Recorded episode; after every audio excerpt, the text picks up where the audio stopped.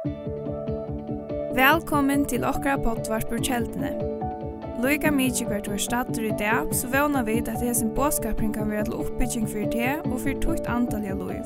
Takk for at du loir av og njød dagsens båskap. I får byrja vi einar einar luttlar søvo her. Og hon byrja såleis at ta vær i einan eh boje, ein stor boje, skula skipanen. Vi ein stor boje hei ein skipan. Eh her det hjalt bøtnon vi tar skula tingon med at hei våra at heimon imsko eh imsko sjukhusna bojen. Og en dag fikk en lærere som var knyttet av Jesu skipan en oppgave at vidtja av spaden og en drong som la av en sjukhus i her. Hesen læreren, en kvinnan, Hon fikk navnet av dronjen og nummer av stovene her han la. Eh, hon tog seg stort vi den vanliga læreren til batten som sier henne at det har gått om hon kunde lært dronjen navnår og tjaår. Lærindan får henda samme sødnaparsten av vidja dronjen. Men ånden har nevnt for henne at drongren var ytla brentur og hei sterska på innom. Kjett eva sutja dronjen i en slugonstante, stante, hon vi han, vi en stemmande rødt. Jeg er sendt her av til noen skola, for jeg hjelper til her vi navnåren og tjaåren. Hon hei ikkje kjenslen av at hon hei avrigga nekka særligt ta hon for oss det. Nasta dagen spurte sjukrarøktarfrøyngur eh ein sjúrar ruktar føringar herna. Kvat gjørðu við handa drongin. Lærarin kjente det så at hon hei holdt vust gjørst okkur skøyft og bryr at bi om ombering. Nei, nei, sier sjúrar ruktar føringaren, tu skil mig ikkje. Vi har vært ekvla storen fyrir her som lytla drongen Men sujan i Joar, bryr jeg hans er huppur a brøytast. Han strøyes nå for å gjøres frusker. Han reagerer nå på vidtgjørene som vi gjør honom. Det er som om at han har sett seg fire i at livet. Tver vikur søttene grøyde hesen drongren fra at han er fullt og høylt oppgiv i alle veien om at livet. Inntil hesen læreren kom av vidtgjøren. Alt brøttest da han kom til en øynfell av nye støv. Han helt såløys fire. De hadde neivan sendt meg en lærere til å lære en dødjande drong, navnår og tjaår. Hadde de.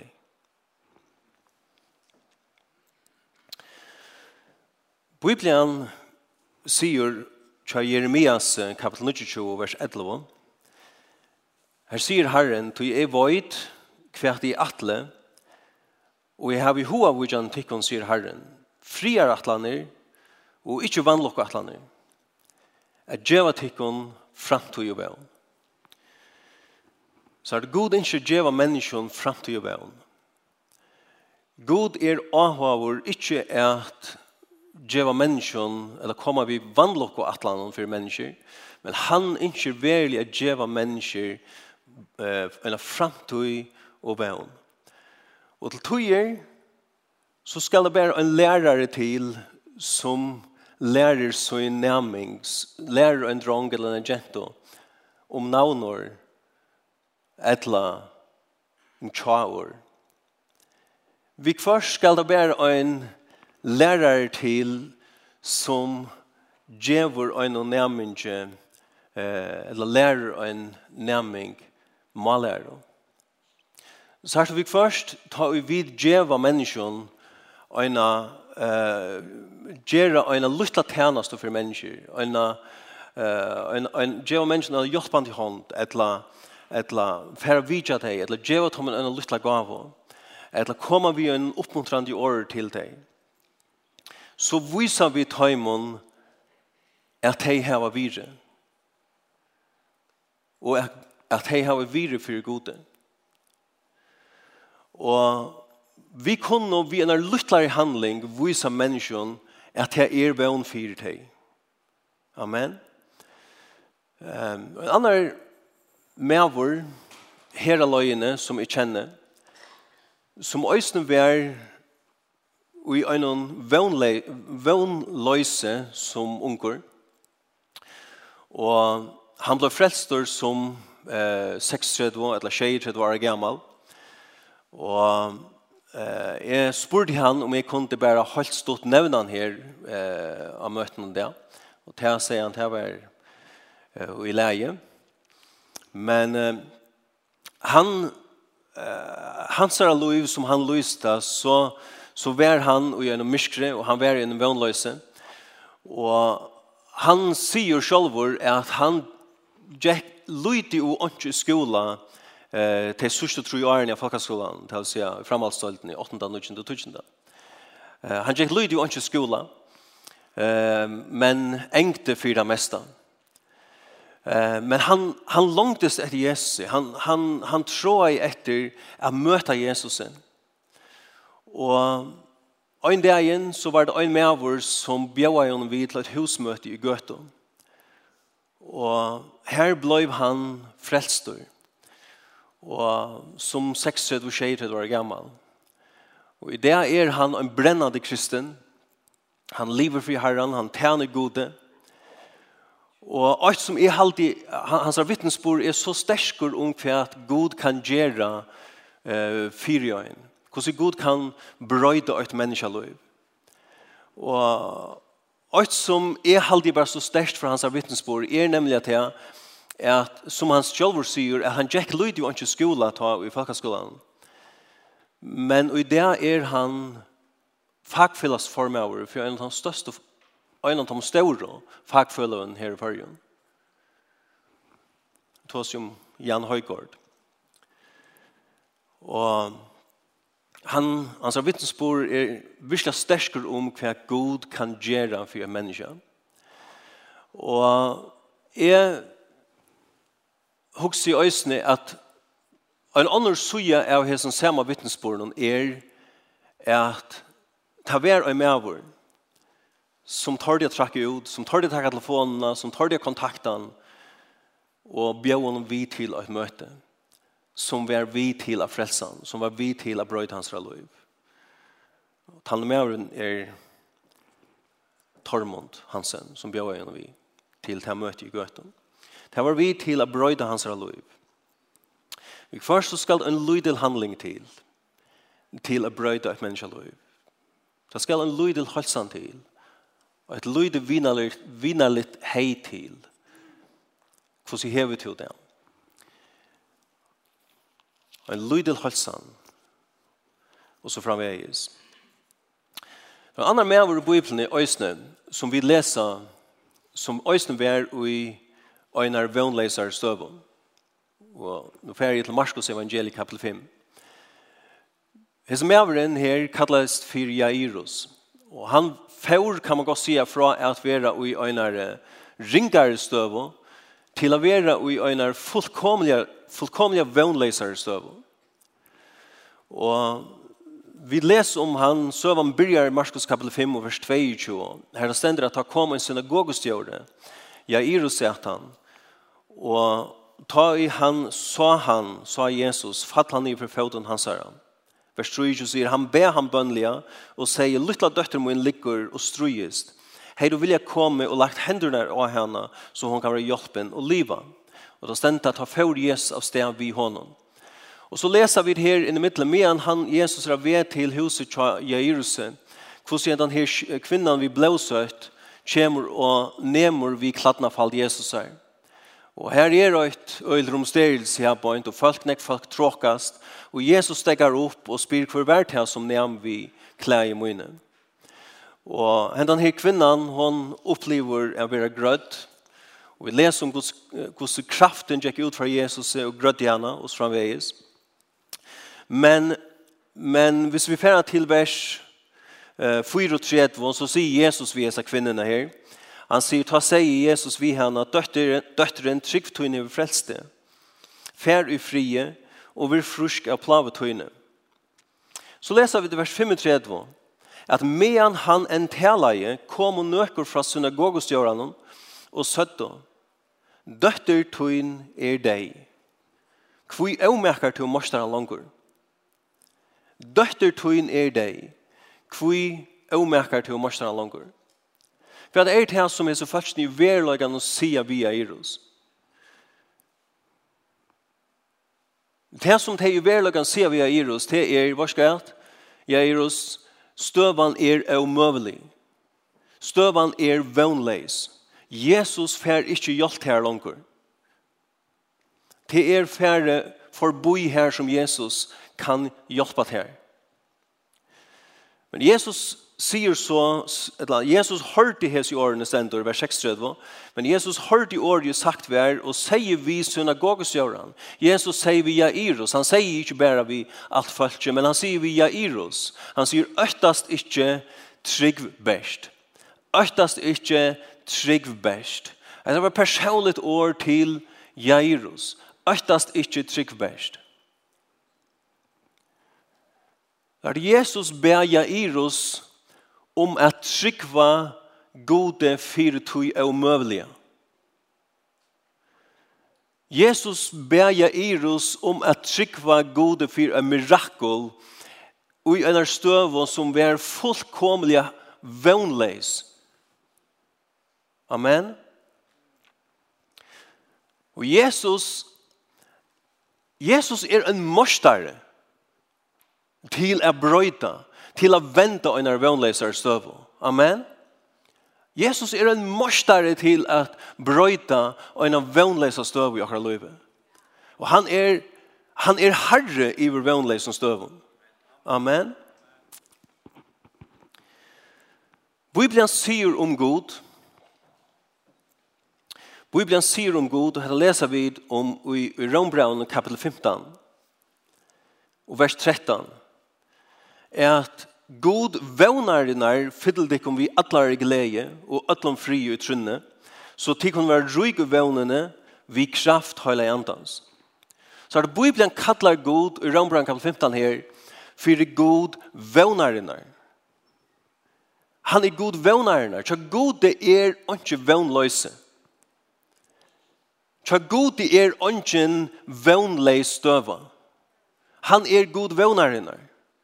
Og her god troppar opp, her god kommer inn av sønna, her Jesus kommer fram i at, her er ikke en vannleg støva, selv om hun kan sutja seg ut for jokken.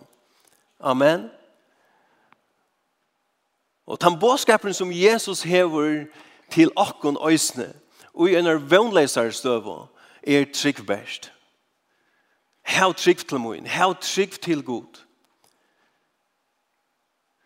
Trygg gode fire og en mirakler, og en ondre.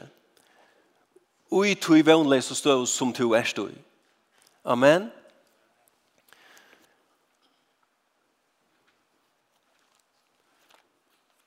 Og i Rønbraunen, kapittel 4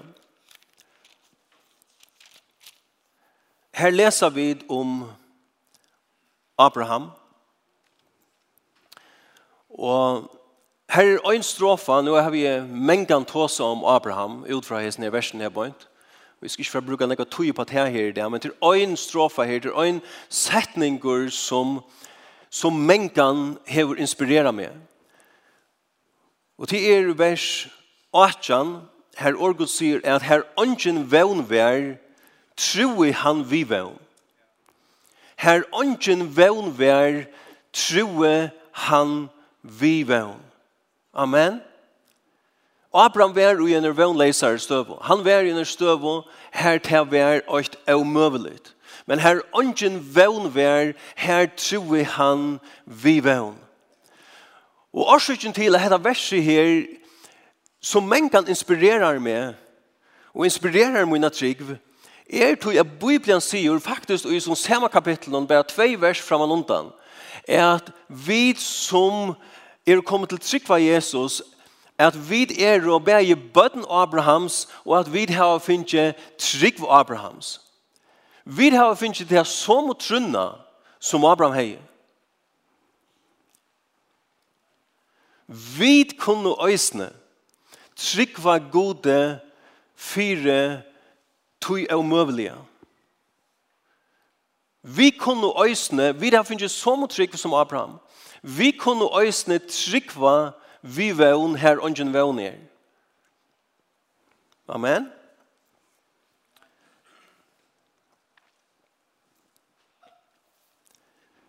Halleluja. Så er det to kan strykva gode for en undre til en løyve. To kan strykva gode for en mirakle. Fyre til. Og til støv som to er støy. Og to trygg, Jesus sier, øktast ikke trygg best tøyn trygg kan forløysa Guds kraft ut tøyn løyve. Tøyn trygg kan forløysa et mirakel fra Gud ut tøyn løyve. Amen.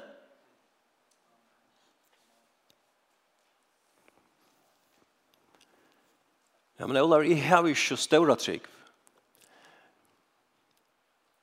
Nei, men det er ikke alltid en spørning om at hava så større trygg. Bibelen sier at er du en tryggvande, så hever to trygg. Det tog vi øyda, eller bare kattla tryggvand. Det tog vi heva trygg. Er en tryggvand så hever to trygg. Og som vi sier, for det aller meste, og i fleste føren, så snur det seg ikke om at det er en større trygg. Men det snur seg om at aktivera ta trunna du hever.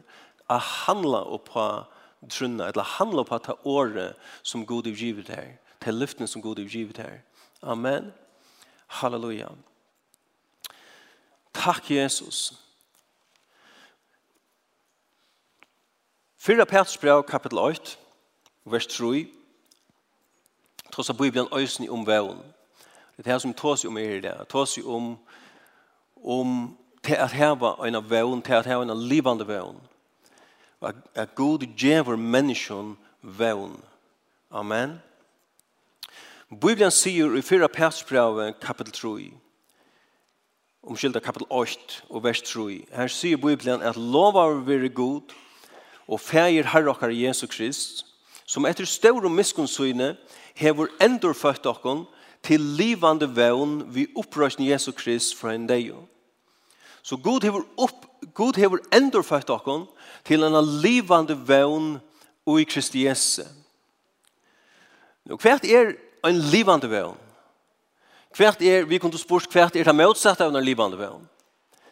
Eh, det mest naturlige for oss er å hoksa til en deivevn. Men det sier oss kanskje ikke så reelle enn jeg. Hvert er, hvert er en livande vevn. Jeg tror vi at, vi kunne sagt at det er en deivevn, det motsatte av en livande vevn. Men jeg tror vi at det motsatte av en livande vevn er lykkes som jeg og en falsk vevn. Så at vi har ikke finnet en falska vevn. Vi har ikke finnet en avtrykka vevn. Men vi har finnet en trykka vevn. Amen. Og en fasta vevn. Og en livande vevn. En evig vevn i Kristi Jesu som er risen oppe som er livande. Vi er en livande vevn, to i okkara frelsar, i okkara herre, er livande. Halleluja.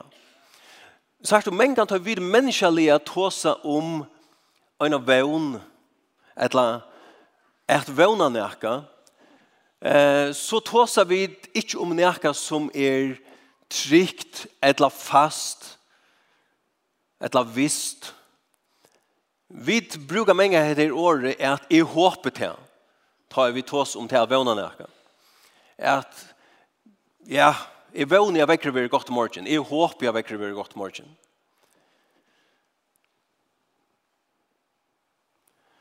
Eh, tar vit människaliga tås om det här en vån så kan det vara ett ett inske vid här Vi kan gott inske, tänka för ett inske för en annan person. er at vi inske vi våna til at det skal gengas till vel. Vi inske vi gjør någon at det ska gängas till väl. Vid till att ha en människaliga vån som sier, vi kan ta som väckreaktor. Det er kanskje en avvis forvantning roi tog. er kanskje er vevur forsøkten sier til at vekker blir godt om morgenen. Men det er ikke en, en trygg vevn som vi har, og en først vevn som vi har, da vi tåser ofta rundt menneskelige. Han vevnen ofta til første vekker, hon er som vindren blæser, kan man godt si.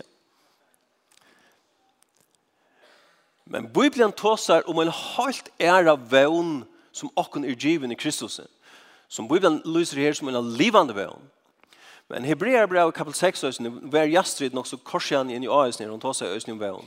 Men hvis vi færer vi mer til Hebrea brev kapitel 6 så lyser Bibelen fyrir okken her til vevn som vid öja i Kristus. Og han sier her, hvis vi leser, jeg hodda leser vers 16, eller fra vers 16, vers 20, her sier orgo såles at han er god enn tøyeligere vil det vise arvingon lyftesins. For arvingar lyftesins. Det er vi som er kommet til trygg. Han vil vise arvingon lyftesins hvordan er vikande rå hans er vær. Lei han tog øya treat.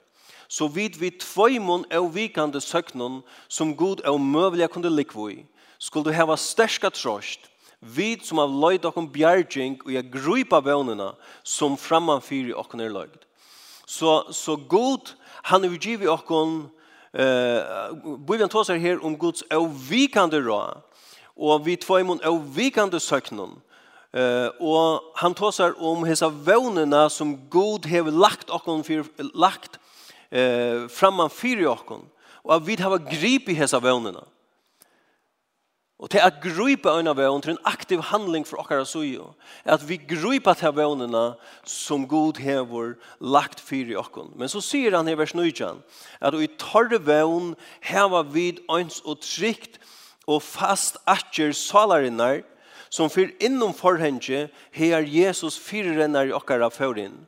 Han som gjørdes høvesprestor og i atlar ever og hotte melkesedeks. Bibelen sier her, vers 9, at i torre vevn heva vi ønsk og trygt og fast atjer salarinnar som fer innom førinje. Så at han vevnen som vid øy i Kristus er ein trygg og ein fast vevn. Det er ikke ein e håpet til vevn. Det er ikke ein e rokne vid til vevn. At vi vøvna bare til besta. Men det er ein trygg og ein fast vøvn Her god hever givi okkon nøkker av vikande lyfter. God som ikkje kan likva. Og Bibelen lyser hesa vevn som vi da finner Kristus som eit atjer salarinnar, og han sier som fyr inn om forhenge, he er Jesus som fyrrennar i okkara fyr han som er okkara høvesprestor. Så er det jo, i Bibelen, for heldur av fram her, til rithøvendren av Hebrearbraunen, han fer vi er fram her eh, i kapitel 9 og, og forklarer fyrir jokken eh, her her tabernakli eller teltet og etter forhenge. Til unge som sitter her, det er to som er forheng, så vi tar en forheng her. Det er i verlagan en en stor gardina, kunne vi godt sagt. Det er en forheng. Ja? Men Bibelen forteller oss om tabernaklet. kjalte som Israels folk heie, og i synar mitt om medan de tar det røst og tar det slert og teltene opp, eh, sette sin kjald opp, så var det åkt størst kjalt som var mine. Og atten atter Israels eh, tar det høyde tilhald, så høyde det trudjar atter som, som eh, høyde sitt tilhald, norran fire, trudjar, sunnan fire, estan fire og vestan fire. Og, og, og i mine, og i tar tilhalde, vær heta høyleia tabernakle, her som god vær. Men Bibelen tåsar her om hit fremra kjalde og hit attara kjalde. Og Bibelen sier, og dette lesa, vi kunne lese om i kapitel 9, men Bibelen sier her at i hinnom fremra kjaldenon, her, her gjør då eh, prestaner sine tjeneste, daglig tjeneste, Men så sier han, og i hinnom attara tjalten, og i, i tog allra høylaiasta som Bibelen kallar. Og, og, og her sier han at ta vær og forheng i middelen her, middelen ta fremra og ta attara tjalten. Og han sier at inn og i ta tjalten, for øynans høvespresteren, og han får her øynans øynafyr om året, vi blåe, og ikkje utan blåe her han offra i for bæsen egne synder og fyr syndene til falskene. Men så sier Bibelen her, er at Jesus, han får, ikke inn i hette her tabernakle, ikke inn i hette her tjaltet som var gjørst av menneskehånden, men han får inn, og Bibelen sier han får inn i sjølvan himmelen, og han får inn i det allra høyleieste, her han bær sitt egna blå fram, fire god som et offer fyrir jokken. Han får inn og i tar allra høyleiaste. Øyna fer fyrir alla tøyer, fyrir öll mennesker. Og her offrar han, her ber han sitt egna blå fram. Fyre feiren som et offer fyrir atlar okkara synder. Ikke fyrir synar egna, men fyrir atlar okkara synder. Øyna fer fyrir atla tøyer. Og Bibelen sier at vi hava vi hava øns. Han sier, og i torre vevn heva vid øns og trygt og fast atjer salarinnar som fyr inn om forhenge. Så er det akkurat vevn er forenkra og i tog som Jesus gjør det for okkon, at han fyre hette her forhenge og i himmelen. Ta i han fjord inn i det aller høyligaste. Okkara vevn er for enkra og i tog som Jesus gjør det for okkona Golgata og i hans blåe som han offrer i for okkona som han bær inn i sjalvan himmelen. Bibelen sier at blå hans taler her i himmelen.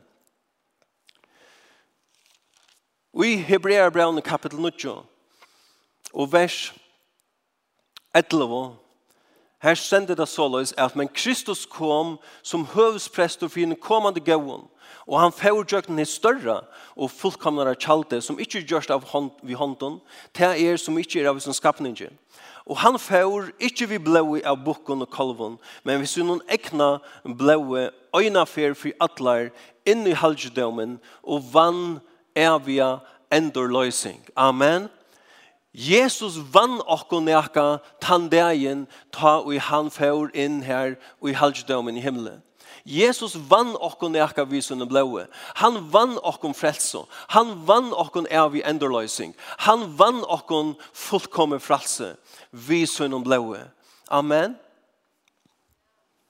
Okkara vevn Okkara vevn er forenkra og i tog som Jesus gjør det fyrir okkon. Akkurat vevn er for enkra og i tog som Jesus gjør det for okkon og i tog som han vann okkon av krossen om.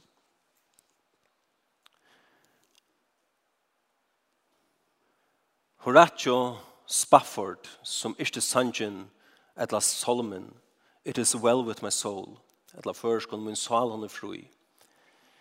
Han miste atlar fyra dødssynar og i øynare syrgeligare skipsvannlokko i 1834. Ter hans døtre hans har vært å ta som jeg lysmar til, så vært tar 12, 21, 4 og halt, halt annet. Mamma Torra og kona Spafford ivelevde. Og Dette var en kjipe som var ved til England. Men Spafford så etterfylgjande sylte til England til konsuina. Ishti han henda sanjen av løyene at it is well with my soul. Og i sanjen sier han med den anna men frelsare grøven men frelsare grøven er til øymun vevn men koma til skudgen og nøy Vi gleder inn nå, så gjør frem til det vøvn. Tøy min sal, hon er fri. Hon er fri. Det er sagt om Horatio Spafford, at ta ut til komme til til stedet, her som skipet sagt vi, vi dødsjonen, at han får ut av dette ut til lønningsene, men han nokta i er at hitja nir i dype, men hukte i stegen opp til himmelen. Det sagt for i hånden, så var det her ikke her. For i hånden, så var det her fararheim til herren. Hans er vevn var bygd av det her som Jesus hei gjort for okken. Hans er vevn var en livande vevn som han åtte i Kristi Jesus. Det er den vevnen som vi har finnet i herren. Bibelen sier at vi syrja ikke som teg og i ånga vevn øya. Det sier Bibelen 4, Timothy, nei, i Thessalonikerbrevet, kapitel 4. Og i det samme kapitlet sier øysen skriften at vid øysene at Jesus ein der skal komme atter. Og han skal teka okkon heim, at, og her vi skulle møta taimon som er undan okkon fjæren, som hava møtid Jesus som sin frelsare. Og Bibelen endar han kapitlen vi en sia, eller i nassuste ørende, her, her Bibelen sier at, at ta Jesus kommer atter, at vi skulle møta herren i luftene, og så skulle vi alltid være sammen vi herren. Og så legger han at seg at trøste tak for annan vi heson åren. Men Bibelen gir vi okken hesa her vevn at Jesus og en dag kommer atter og at vi skulle møte honom som han er og at vi skulle komme at vera tja honom alltid. Amen. Og vi skulle vera saman tja honom alltid. Det er den vevnen som vi er i Kristus. Min spurning er øysen til tøyen som er her. er du til røyer å møte Jesus. Er du til røyer ta Jesus kommer atter. Øyer til hesa bøn og i Kristus som Bibelen tåsar om. Jeg får at enda her, og jeg får gjøre mikrofonen til Bjørkfinn atter. Men hvordan er tøyen støv i det? Erst du i en vannleser støv, erst du i en støv som ser omøvelig ut.